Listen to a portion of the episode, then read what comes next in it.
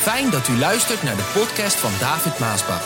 We hopen dat u erdoor geïnspireerd en opgebouwd wordt.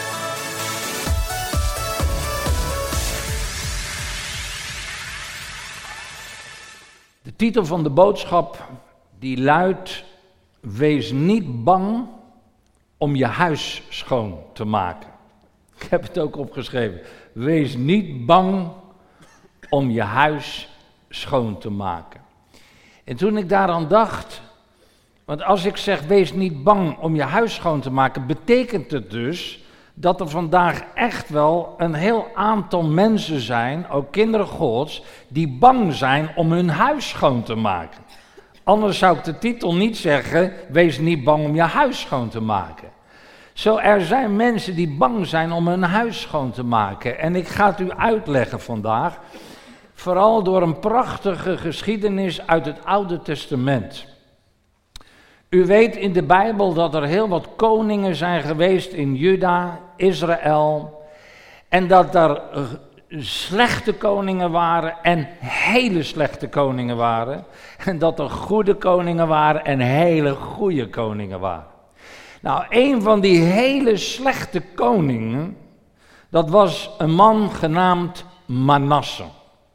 Manasse, als je dat gaat lezen, en ik ga een aantal delen uit de Bijbel lezen, maar het is de bedoeling dat je een zelfstudie ook hierna doet door deze, deze stukken rondom dit verhaal zelf nog in de komende tijd te gaan lezen. Om je iets meer te verdiepen in hoe slecht en hoe goed. En deze koning was echt een hele slechte koning. We lezen dat hij 12 jaar oud was toen hij koning werd uit 2 Koningen 21. Manasse, de nieuwe koning van Juda, was bij zijn troonbestijging 12 jaar. Dat is heel jong hè, 12 jaar. Iemand van jullie 12 jaar? Ben jij 12? Oké? Jij bent ook 12? En jij bent ook 12? Gaan jullie eens even staan? Even staan? Die 12 jaar zijn. Zo jong was deze koning, Manasse, toen hij koning werd. Oké? Zo jong als jullie waren. Ga maar zitten, dankjewel. De duur van zijn bewind vanuit Jeruzalem was 55 jaar. De naam van zijn moeder was Gefsiba. Zijn bewind was goddeloos.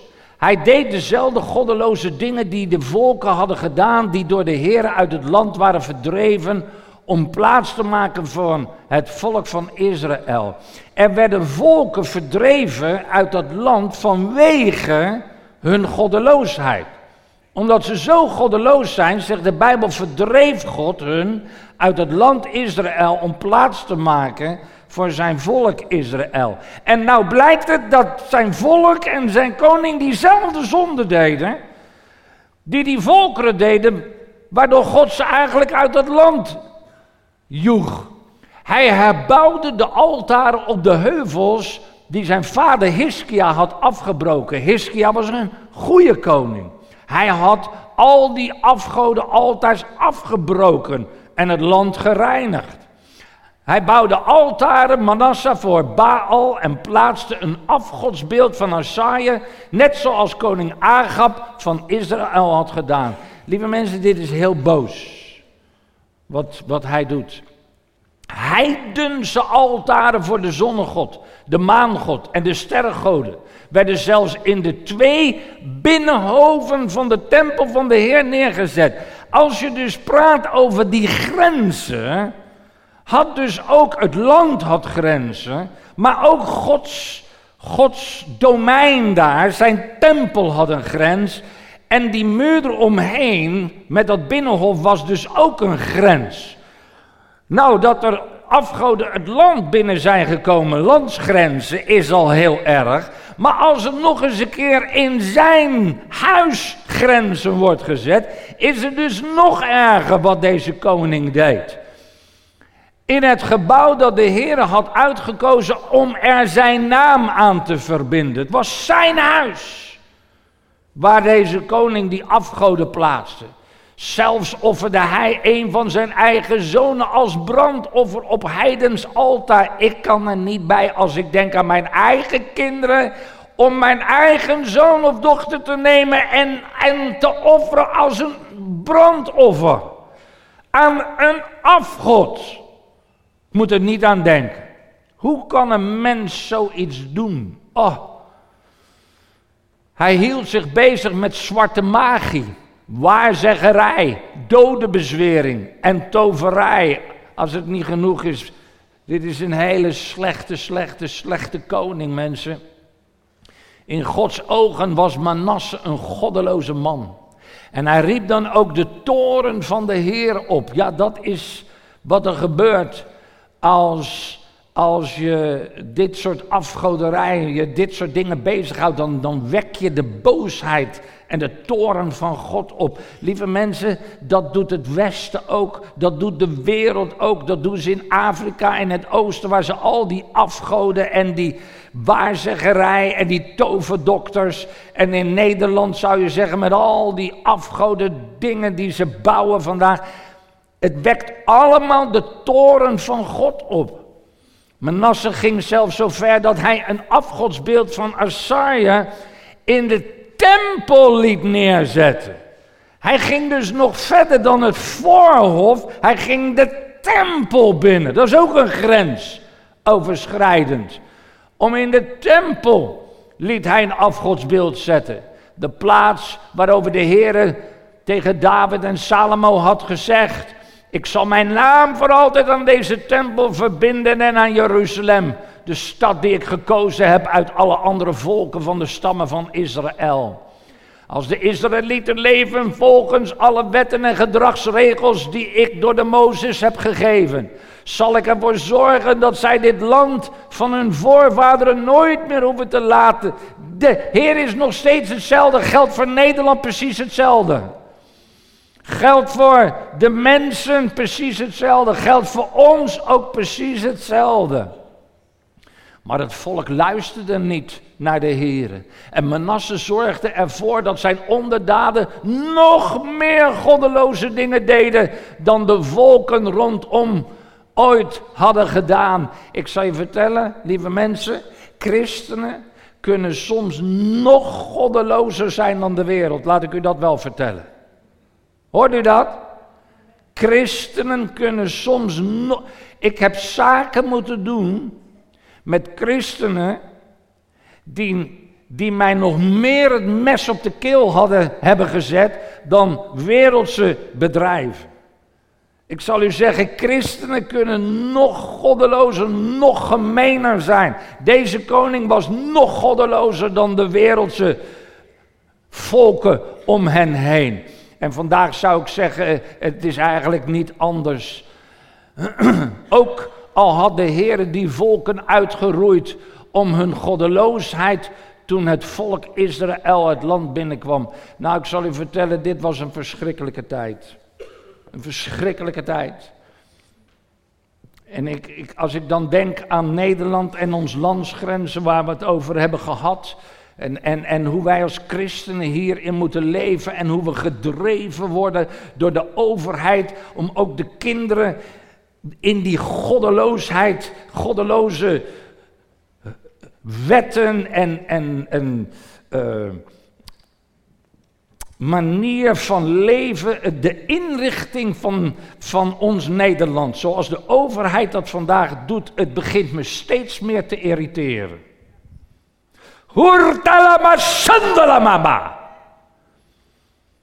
Het begint me steeds meer, ik begin steeds meer aanstoot te krijgen. Aan de inrichting van ons land Nederland hoe wij als kinderen Gods en christenen eigenlijk moeten accepteren en meegaan en leven. En de kinderen die op scholen komen, hoe ze geïndoctrineerd worden door al die goddeloze dingen die God verboden heeft in zijn woord. Maar ja, je zegt natuurlijk, ja, wat moeten wij eraan doen? Wat moeten wij eraan doen? Nou, ik weet één ding wat ik eraan doe voor mezelf. Ik en mijn huis. Snap u? Onthoud dat. Onthoud het wat ik u telkens heb gezegd. Want Men kan al deze goddeloze dingen landsgrenzen binnenbrengen en het land binnenkomen en schoolgrenzen binnen laten komen en onderwijs geven. Maar ik en mijn huis, we hebben ook een grens en daar komt het niet binnen. En het kan overal binnenkomen, maar mijn hart heeft ook een grens en daar komt het helemaal niet binnen. Want dat bepaal ik. En niet de overheid en niet Brussel. En niemand bepaalt dat. Hallo? Ik hoop dat velen deze boodschap zullen horen, ook de ChristenUnie en een hele hoop kerken. En zo, die landsgrenzen, die had Israël ook. God had het bepaald vanuit alle volkeren. Maar deze koning was zeer slecht en hij stierf. En vanmorgen las ik het nog een keer en ik denk, och, hoe moet die man ooit voor God verschijnen? Hij sterft en dan komt zijn zoon Ammon aan de macht. Nou, Ammon was net zo slecht als zijn vader, daar ga ik niet eens veel tijd aan besteden, want hij regeerde maar twee jaar. Hij was 22 jaar oud toen hij koning werd en hij regeerde maar twee jaar. Was net zo goddeloos als zijn vader. Ja, hij had dat gewoon overgenomen. Opa, overgrootvader, grootvader, vader, hij, hij nam het gewoon over, was net zo goddeloos, diende al die goddeloze dingen. Dus hij zette gewoon datzelfde werk voort wat zijn vader deed en nam het hele volk daarin mee. Dat is nog het ergste ook. Hij nam het hele volk daarin mee. En er zijn heel wat leiders, ook in Nederland, die het volk, het christenvolk, meenemen op een niet weg van God. Goddeloze weg wil ik eigenlijk nog een beetje voorzichtig in zijn, maar zo is het vandaag wel. En Ammon deed hetzelfde, maar zijn medewerkers die smeden een complot en die brachten hem om het leven.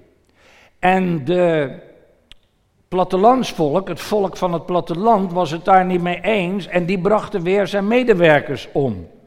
En toen, vandaar dat ik zeg, neem niet zoveel tijd, want twee jaar, maar toen kwam er iemand aan de macht. Ah. Kijk, we gaan nou een mooie kant op. Want u denkt, oh, wat een boodschap. Ja, maar ik moet het contrast tekenen. Ik moet het contrast tekenen tussen goed en tussen kwaad. Tussen licht en tussen duisternis. En ik heb net even het contrast getekend, of ik heb net even aangegeven hoe boos, hoe kwaad, hoe verkeerd die Manasse en het hele volk was, waardoor God zo boos werd. Maar dan komt Josia. Josia, niet Josua, Josia. J-O-S-I-A. Acht jaar oud was hij toen hij koning werd. En acht jaar oud, hé, hey, hallo. Jullie waren twaalf jaar oud. Maar deze jongen was acht jaar oud. Ik geloof dat er niemand hier is die acht jaar oud is. Dat betekent dat hij jonger is dan jullie allemaal.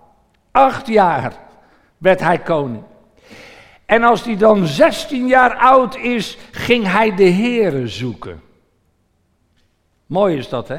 Dit vind ik zo mooi, dat uit dat hele goddeloze, uit die donkere duisternis, uit dat kwaad, komt er dus een jongen die geboren wordt, waar op een of andere manier de geest Gods in begint te werken.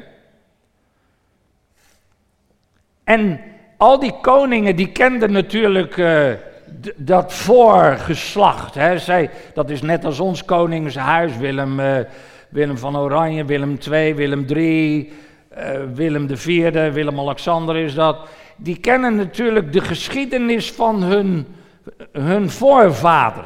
Dat, dat, dat, daarin worden ze onderwezen. Zo die koningen, die kenden dus ook. En zo'n boze koning wist dus ook van koning David en al die andere dingen. Eh, die boze koning, die wist dus ook wel wat goed en verkeerd was. Maar bewust kozen ze de weg te gaan om tegen God in te gaan. En hierin zie je de andere kant. Dat er een jongen van acht jaar opkomt en uit de duisternis op 16-jarige leeftijd begint hij God te zoeken. Dat is mijn gebed ook hier in Nederland. De hoop heb ik nog niet opgegeven. Ja, ik irriteer me steeds meer. Ja, ik zal me steeds meer ertegen verzetten. Zoals de Heilige Geest het ons leidt. Ja, we zullen de strijd aangaan. En New Gen doet dat zeker. Maar ik geef het nog niet op. Want God is machtig. Dan lees je in 2 Kronieken, Kronieken 34. Joshua was pas acht jaar oud toen hij koning werd. Hij regeerde 31 jaar vanuit Jeruzalem. Zijn bewind was een goed bewind. Want hij volgde stipt. Dat vind ik ook al zo mooi. Er staat niet, want hij volgde het voorbeeld. Nee, hij volgde, volgde stipt. Daar gaat nog weer wat verder. Hij volgde stipt het voorbeeld van zijn voorvader David. Toen hij 16 was, en dus nog jong, dat is nog steeds heel jong hè, begon hij de God van zijn voorvader David te zoeken. Die jongen die moet dus ook die geschiedenis en gehoord hebben wat David had gedaan, hoe hij met God leefde, hoe God overwinning had gegeven over Goliath. Dat, dat zijn verhalen, dat moet doorverteld zijn. Daarin moet God zijn gaan werken in zijn geest, in zijn hart. En toen de Heer dat met zijn geest deed en, en, en hij er zo mee bezig was, zo jong als hij was, begon hij daarnaar te zoeken. Naar die God van David, die hem zo groot overwinningen had gegeven. En dan staat er, en vier jaar later, dus op twintigjarige leeftijd, nog steeds heel jong, hield hij een grote schoonmaak in Juda en Jeruzalem door de heidense tempels en Azaya-beelden en andere gesneden en gegoten afgodsbeelden te verwijderen. Hij hield een grote schoonmaak op 20-jarige leeftijd. En hij was niet bang om die schoonmaak te beginnen en te gaan doen. Want u begrijpt natuurlijk wel, toen hij begon schoon te maken, dat hij heel wat tegenstand kreeg. Heel wat tegenstand. Van al die geesten die het daar niet mee eens waren. En die eigenlijk wilden blijven leven zoals zij leefden. Nou, ik zal u vertellen, we hebben vandaag met zo'nzelfde anti-geest in ons land ook te maken. En eigenlijk in het hele Westen. Want het Westen maakt zich klaar om de antichrist te gaan installeren. En er zijn heel wat geesten tegen als je die weg, dat proces dwarsboomt. Nou, dat is wat Josia ook deed. 26 jaar oud, dus Zes jaar later, 16 begon hij de Heer zoeken. 20 jaar begint hij aan die schoonmaak. En dan zes jaar later, dus die schoonmaak was nog steeds bezig, zes jaar later. Hij was al zes jaar aan het schoonmaken. Ik vraag me af hoeveel tijd het zou nemen als we ons Nederland zouden moeten reinigen. Om al die gods, troep eruit te gooien. Waar moeten we het gooien? Nou, we moeten het vergruizen en naar de vuilverbranding brengen. Al die afgodstempels en al die afgodsbeelden. Ik zal u vertellen, we hebben heel wat bulldozers nodig en heel wat vrachtwagens nodig. Om het naar de vergruizing te brengen en onder het asfalt te leggen van de weg om er mooie banen van te maken. Ik zal u vertellen, ja maar David, dit is wel heel erg uh, niet politiek correct wat je nu allemaal zegt. Nou, maar dat ben ik niet en daar schaam ik me ook niet voor. Want er zullen heel wat op hun tenen getrapt worden met boodschappen als dit, maar het kan me niks schelen, want het moet gepredikt worden. Het moet gewoon gepredikt worden. Oh, wat verlangt mijn hart naar een grote schoonmaak. Zie u wat er ook gebeurt, ik heb mijn huis. Wat er ook gebeurt, ik heb mijn huis. Maar ik verlang ernaar om niet alleen mijn huis of mijn huis als gezin of huis als kerk, gemeente, dit is niet mijn huis, maar wel mijn verantwoordelijkheid, heb ik u verteld, wat hier binnenkomt en wat hier uitgaat. We zijn allemaal verantwoordelijk wat die binnen die grenzen. Je eigen hart begint het mee, wat er in en uit je eigen hart gaat, grenzen. Maar dan heb je ook je gezin. Dat bepaal jij, wat daar binnen en uit gaat.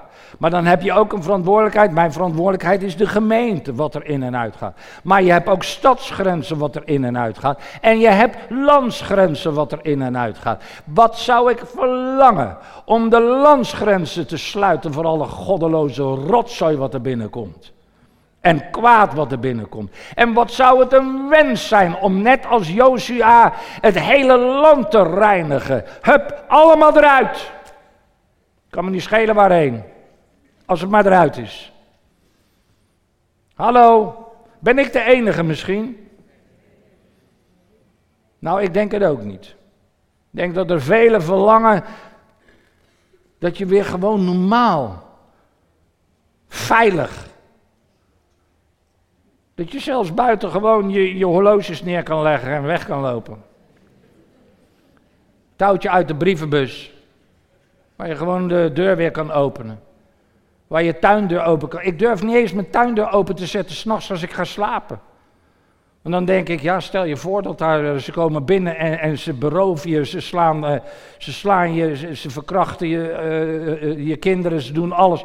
Ja, dan moet je nog voorzichtig zijn in Nederland, omgedraaide wereld. Want als je je huis uitslaat, doen hun aangifte, kom jij in de gevangenis en hun lopen vrij rond.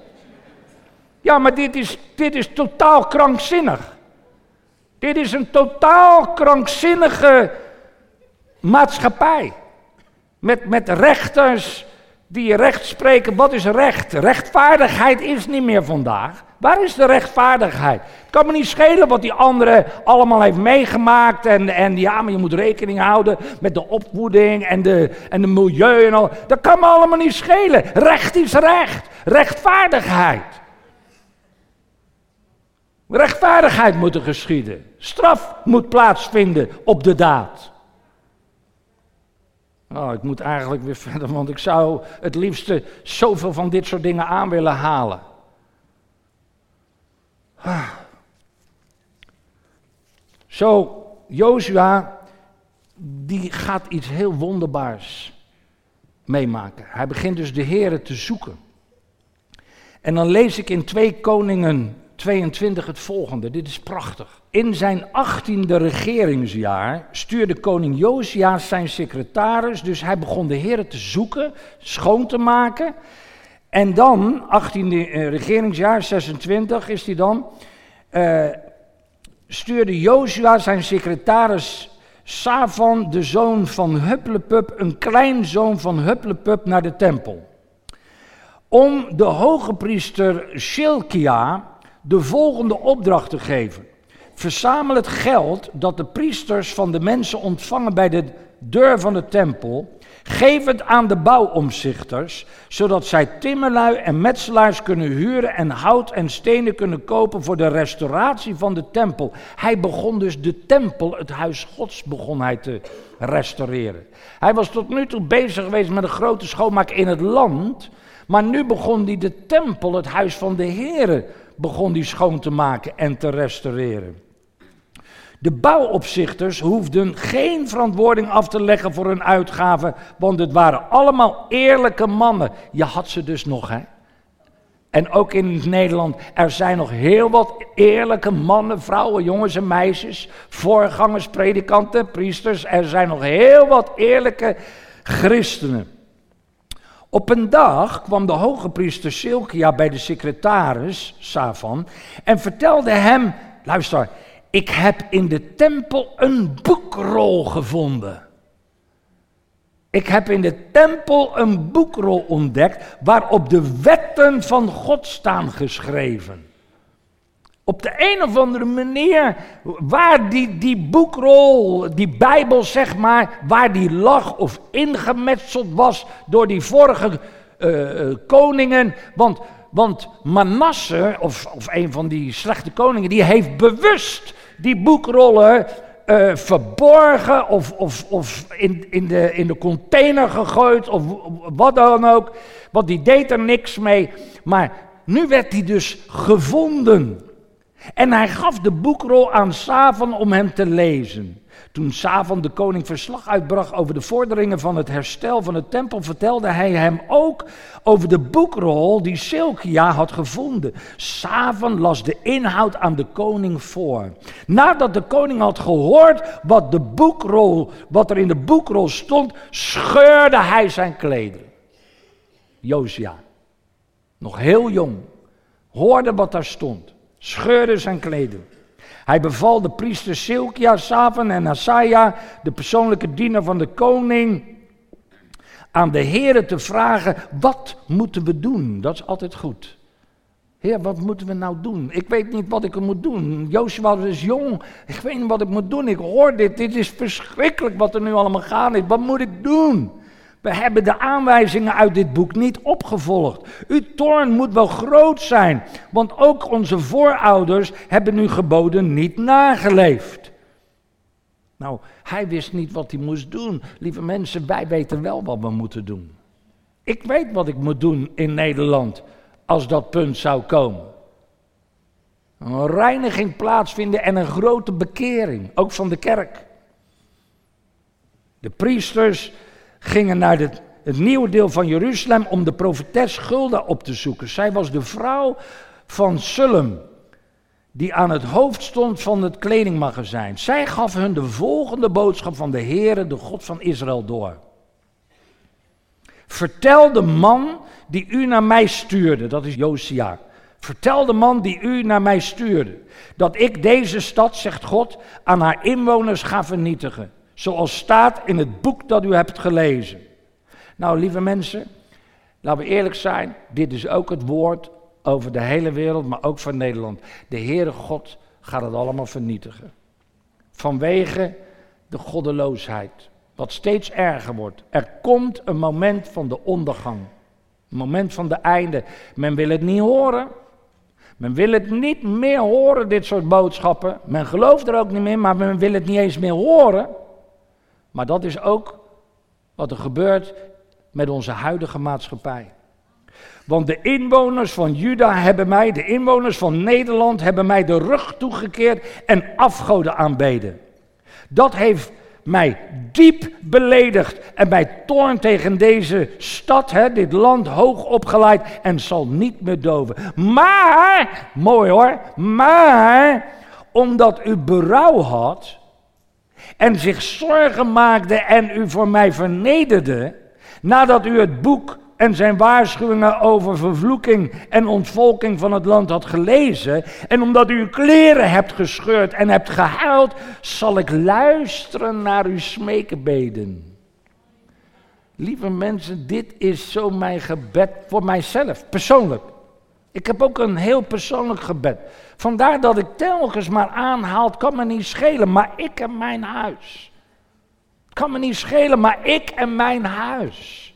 Heren, het kan me niet schelen wat iedereen in Nederland doet, maar ik en mijn huis. Wij willen u dienen. Waarom zeg ik dit? Omdat ik weet dat God genadig is. En dan zal Hij mij ook genadig zijn en mijn huis mijn nageslacht. Met wat er ook gebeurt, zal hij mijn nageslacht genadig zijn. Omdat ik zeg, ik en mijn huis. Wat de anderen ook allemaal doen. Wat er ook allemaal gezegd en geschreven wordt. Wat iedereen hier ook doet. Heer, ik en mijn huis. Zie, dat is heel persoonlijk. Ik hoop dat u datzelfde heeft. Want ik geloof met alles wat er gebeuren gaat, dat de Heere God mij en mijn huis genadig zal zijn. mooi. Dit uh, maar omdat u berouw had en zich zorgen maakte en u van mij vernederde, nadat u het boek zijn waarschuwingen heeft gelezen en omdat u kleren hebt gescheurd en gehuid, zal ik luisteren naar uw smeekbeden. Dit volk zal pas ten val komen nadat u bent gestorven. U zult zelf geen getuigen zijn van de rampen die ik over deze plaats ga brengen. Kijk, dat is mijn gebed. Ik en mijn huis, Heer. Ik weet, de rampen zullen komen in de wereld, ook in Nederland. Verschrikkelijk hoe men afdwaalt, rug toekeert. Maar ik en mijn huis, Heer. Ik en mijn huis. Kijk, dit kan, ik, dit kan ik niet voor u bidden. Dit zijn je eigen grenzen. Dit zijn mijn grenzen. Ik en mijn huis. Dus ik kan dit niet voor u bidden. Jij moet dit zelf bidden. Voor jou en jouw huis. Dat zijn uw grenzen, jouw grenzen. Nou, het gevolg hiervan is de bekering. Hij begon te zoeken, hij begon te vinden en hij ging zich bekeren. En dat lezen we in 2 Koningen 23. Josia riep alle leiders, iedereen van Juda en Jeruzalem bijeen, om met hem naar de tempel te gaan. Hij ging naar het huis des Heeren. En ik roep altijd iedereen op om naar het huis des Heren te gaan. En zeker voor bekering. En juist niet weg te gaan, of naar andere mensen te gaan, of naar familieleden, of vrienden, of broeders of zusters. Nee, naar het huis des Heren. En alle priesters, profeten en andere mensen van groot tot klein verzamelden zich tot bij de tempel. En daar liet de koning het boek van het verbond dat in de tempel was gevonden voorlezen. Dat is precies wat ik eigenlijk nu ook doe. Ik lees gewoon uit de Bijbel voor. En de koning stond naast de pilaar. Ik sta op het platform. En samen met het aanwezige volk beloofde hij de Heer plechtig dat hij hem met hart en ziel zou gehoorzamen en zou doen wat, het, wat in het boek werd bevolen. Dat is precies wat ik ook doe. Ik, ik sta hier voor u en dan zeg ik, ik en mijn huis, mensen, wat doet u? Ik en mijn huis, wij zullen de Heer dienen. Wat doet u? Samen met mij. Samen met elkaar en met al degenen die vandaag ook niet willen buigen voor al die goddeloze dingen die ons land binnenkomen. Zo hij begon zich te bekeren. En dan, nou dan begint de echte grote schoonmaak. Dat andere was, die jaren van schoonmaak was nog niet eens genoeg. Na die bekering lezen we in 2 Kronieken 23. Daarna gaf de koning de hoge priester Silkia de rest van de priesters en de tempelwachters opdracht alle voorwerpen in de tempel te vernietigen. Lieve mensen, vandaag zeg ik ook tegen jou: wees niet bang om jouw huis schoon te maken. Hij deed het ook daar. Die iets te maken hadden met de verering van Baal, Asherah en de zon, de maan en de sterren. De koning liet alles naar buiten brengen en verbranden in de velden van Kidrondal, buiten Jeruzalem. En hij liet de as naar Bethel brengen. En hij zette de valse priesters af, die waren aangesteld door de vroegere koning, door zijn voorvaderen, Manasse en zo, van Juda. Ze hadden reukwerk verbrand op de heuvels door heel Juda en zelfs in Jeruzalem. Tevens hadden zij reukwerk geofferd aan Baal en de zon en de maan en de sterren. Hij verwijderde de schandelijke afschotbeeld van Ajara uit de tempel en bracht het buiten Jeruzalem naar de beek Kidron. Daar verbrandde hij het en strooide de overgebleven as op de begraafplaats van de gewone mensen. Ga ik niet allemaal op in, zou ik zoveel over kunnen zeggen. Hij verwijderde ook de bordelen rond de tempel. Bordelen rond de tempel. Oh, Waar mannelijke prostituees, mannelijke prostituees, huisden en de vrouwen gewaden weefden voor het beeld Asaja. Lieve mensen, we hebben zoveel van die rotzooi ook in de kerk in Nederland. Het moet allemaal maar kunnen in ons Nederland. Het moet allemaal maar mogen. Het moet allemaal maar vrij zijn. Het moet allemaal maar kunnen en mogen. Nou, het kan niet. Het kan niet en het mag niet. Degenen die dat wel willen doen, moeten ze vooral doen, want we leven in dat opzicht in een vrij land, maar niet ik en mijn huis. Of deze gemeente hier. Absoluut niet. Hij haalde de priesters van de heren die al die tijd in de aarde, andere steden van Juda hadden gewoon terug naar Jeruzalem. Er waren dus nog een heleboel goeie.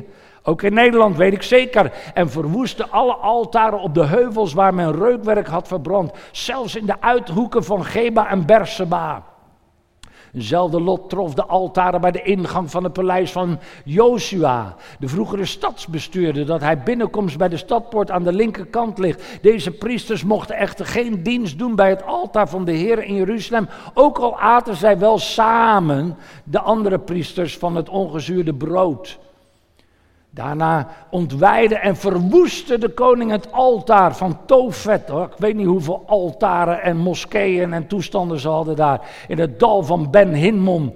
Zodat daar voortaan niemand meer zijn zoon of dochter levend kon verbranden als offer aan Moloch. Dat ging aan de lopende band daar, verschrikkelijk. Verder verwoestte Josia alle tempels, al die moskeeën, al die, die tempels op de heuvels in heel Samaria. Deze waren gebouwd door de vroegere koning van Israël. Koningen van Israël bouwden ze. Niet de wereld, de koningen van Israël.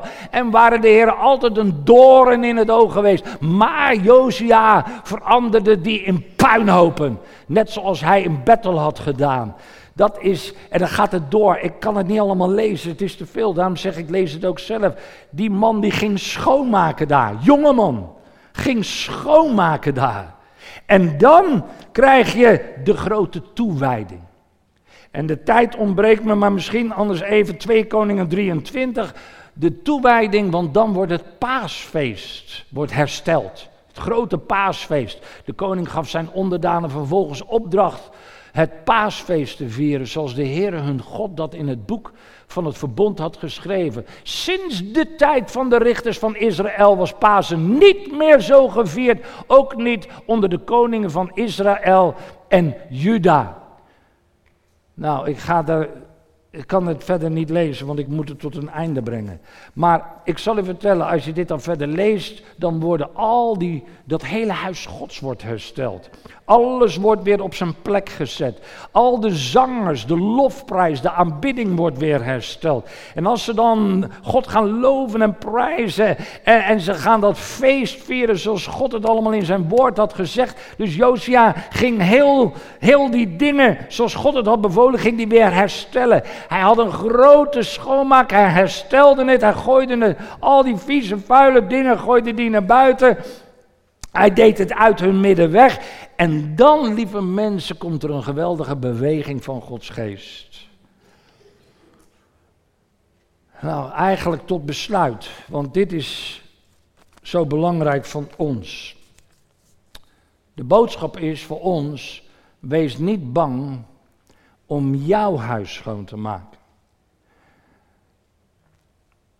En dit geldt voor ons allemaal. Wees niet bang om de mensen die je huis binnenkomen en niet productief zijn. Ik heb eigenlijk een beetje gezocht hoe kan ik, het, hoe kan ik dit wel genuanceerd zeggen. Want het liefste zou ik het willen zeggen zoals het is. Maar u begrijpt precies wat ik bedoel als ik zeg met mensen die niet productief in jouw leven zijn. En ze komen wel jouw huis binnen. Je huis, je gezinhuis. Ze komen wel jouw huis binnen, maar ze zijn niet productief. Ze bouwen je niet op in je geloof. Ze staan niet naast je om de Heer te dienen. Ze voeden niet de kinderen op. Familieleden, vrienden, broeders, zusters, noem het maar op. Wees niet bang om je huis schoon te maken en die onproductieve mensen niet meer toe te laten in je huis. Je moet net als Josia een beslissing maken. En net als ik ook heb gedaan. Een beslissing maken. Om ze niet meer toe te, te laten in leven. Ja, ik heb ook dit gezegd. Om diezelfde mensen te ontvrienden op je Facebook. Want dat kan daar niet staan, want dat kenden ze toen niet, maar wel vandaag. Jij hebt op jouw Facebook allerlei soorten mensen staan die niet productief zijn. Waar je mee communiceert. Waar je zogezegd vrienden, want zo, zo heet dat, hè? ontvrienden. Je kan ontvrienden. Wees niet bang om te ontvrienden. Wees niet bang vandaag om je adresboek op te schonen. Jij hebt misschien dit soort mensen staan in jouw adresboek die daar eigenlijk niet horen te staan. En vandaag is het een prachtig moment om jouw besluit te nemen. Om te zeggen, dat ga ik schoonmaken. Ik ga een grote schoonmaak houden. Ik ga zitten en ik ga mijn hele Facebook doornemen. Ik ga mijn hele adresboek doornemen. En ik ga al die lui ontvrienden, want ik ga een schoonmaak houden. Ik heb het eigenlijk zo opgeschreven, wat ik misschien beter zo kan lezen. Sommige kinderen Gods zijn doodsbang om de confrontatie aan te gaan. Om te ontvrienden. Ja, als ik ze ontvriend, broeder David, familie, vrienden. Sommigen zijn echt bang om de confrontatie aan te gaan. Josia was niet bang. Misschien was hij zelfs wel bang, maar hij liet het niet toe in zijn hart en hij vertrouwde op de Heer. Hij deed het. Maar sommigen zijn zo bang dat ze die confrontatie van ontvrienden niet willen aangaan. Sommigen zijn bang om gehaat te worden of alleen te staan, vooral jonge mensen onder hun leeftijdgenoten, als ze gaan ontvrienden. Ze gaan zeggen, nee, daar ga ik niet meer mee om. Ik maak mijn keuze, ik ga een schoonmaak houden in mijn leven. Het kan me niet schelen. Ze me dan verrot schelden, eh, allerlei nare dingen zeggen. Het, kan me niet schelen. Ik en mijn huis. Ik wil de Heer dienen. Ik ga een beslissing maken. Voor mij en mijn huis. Sommigen hebben het idee dat het kwaad is om anders te denken. Hoor je dit? Omdat velen zo denken, zoals, zoals de, de goddelozen en degenen die niet met de Heer wandelen, dat zijn er velen. De, de, de media doet voorkomen alsof dat de mainstream is en dat iedereen zo is. Maar dat is niet waar. En daarom zijn er velen bang om die confrontatie aan te gaan omdat ze denken dat iedereen zo is, maar niet iedereen is zo. En het is tijd dat we een schoonmaak gaan houden. De kerk zou ook een schoonmaak moeten houden.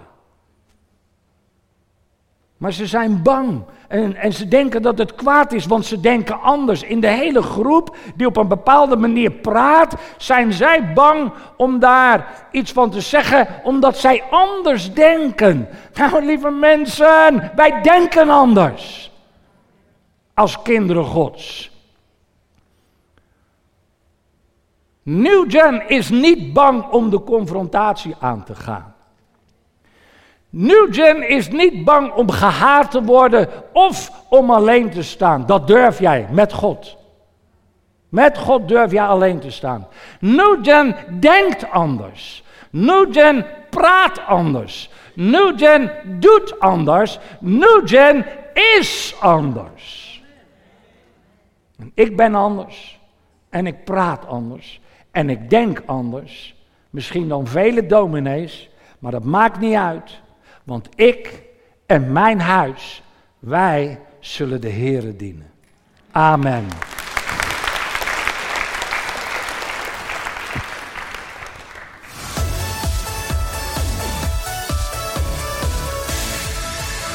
Bedankt voor het luisteren naar deze podcast.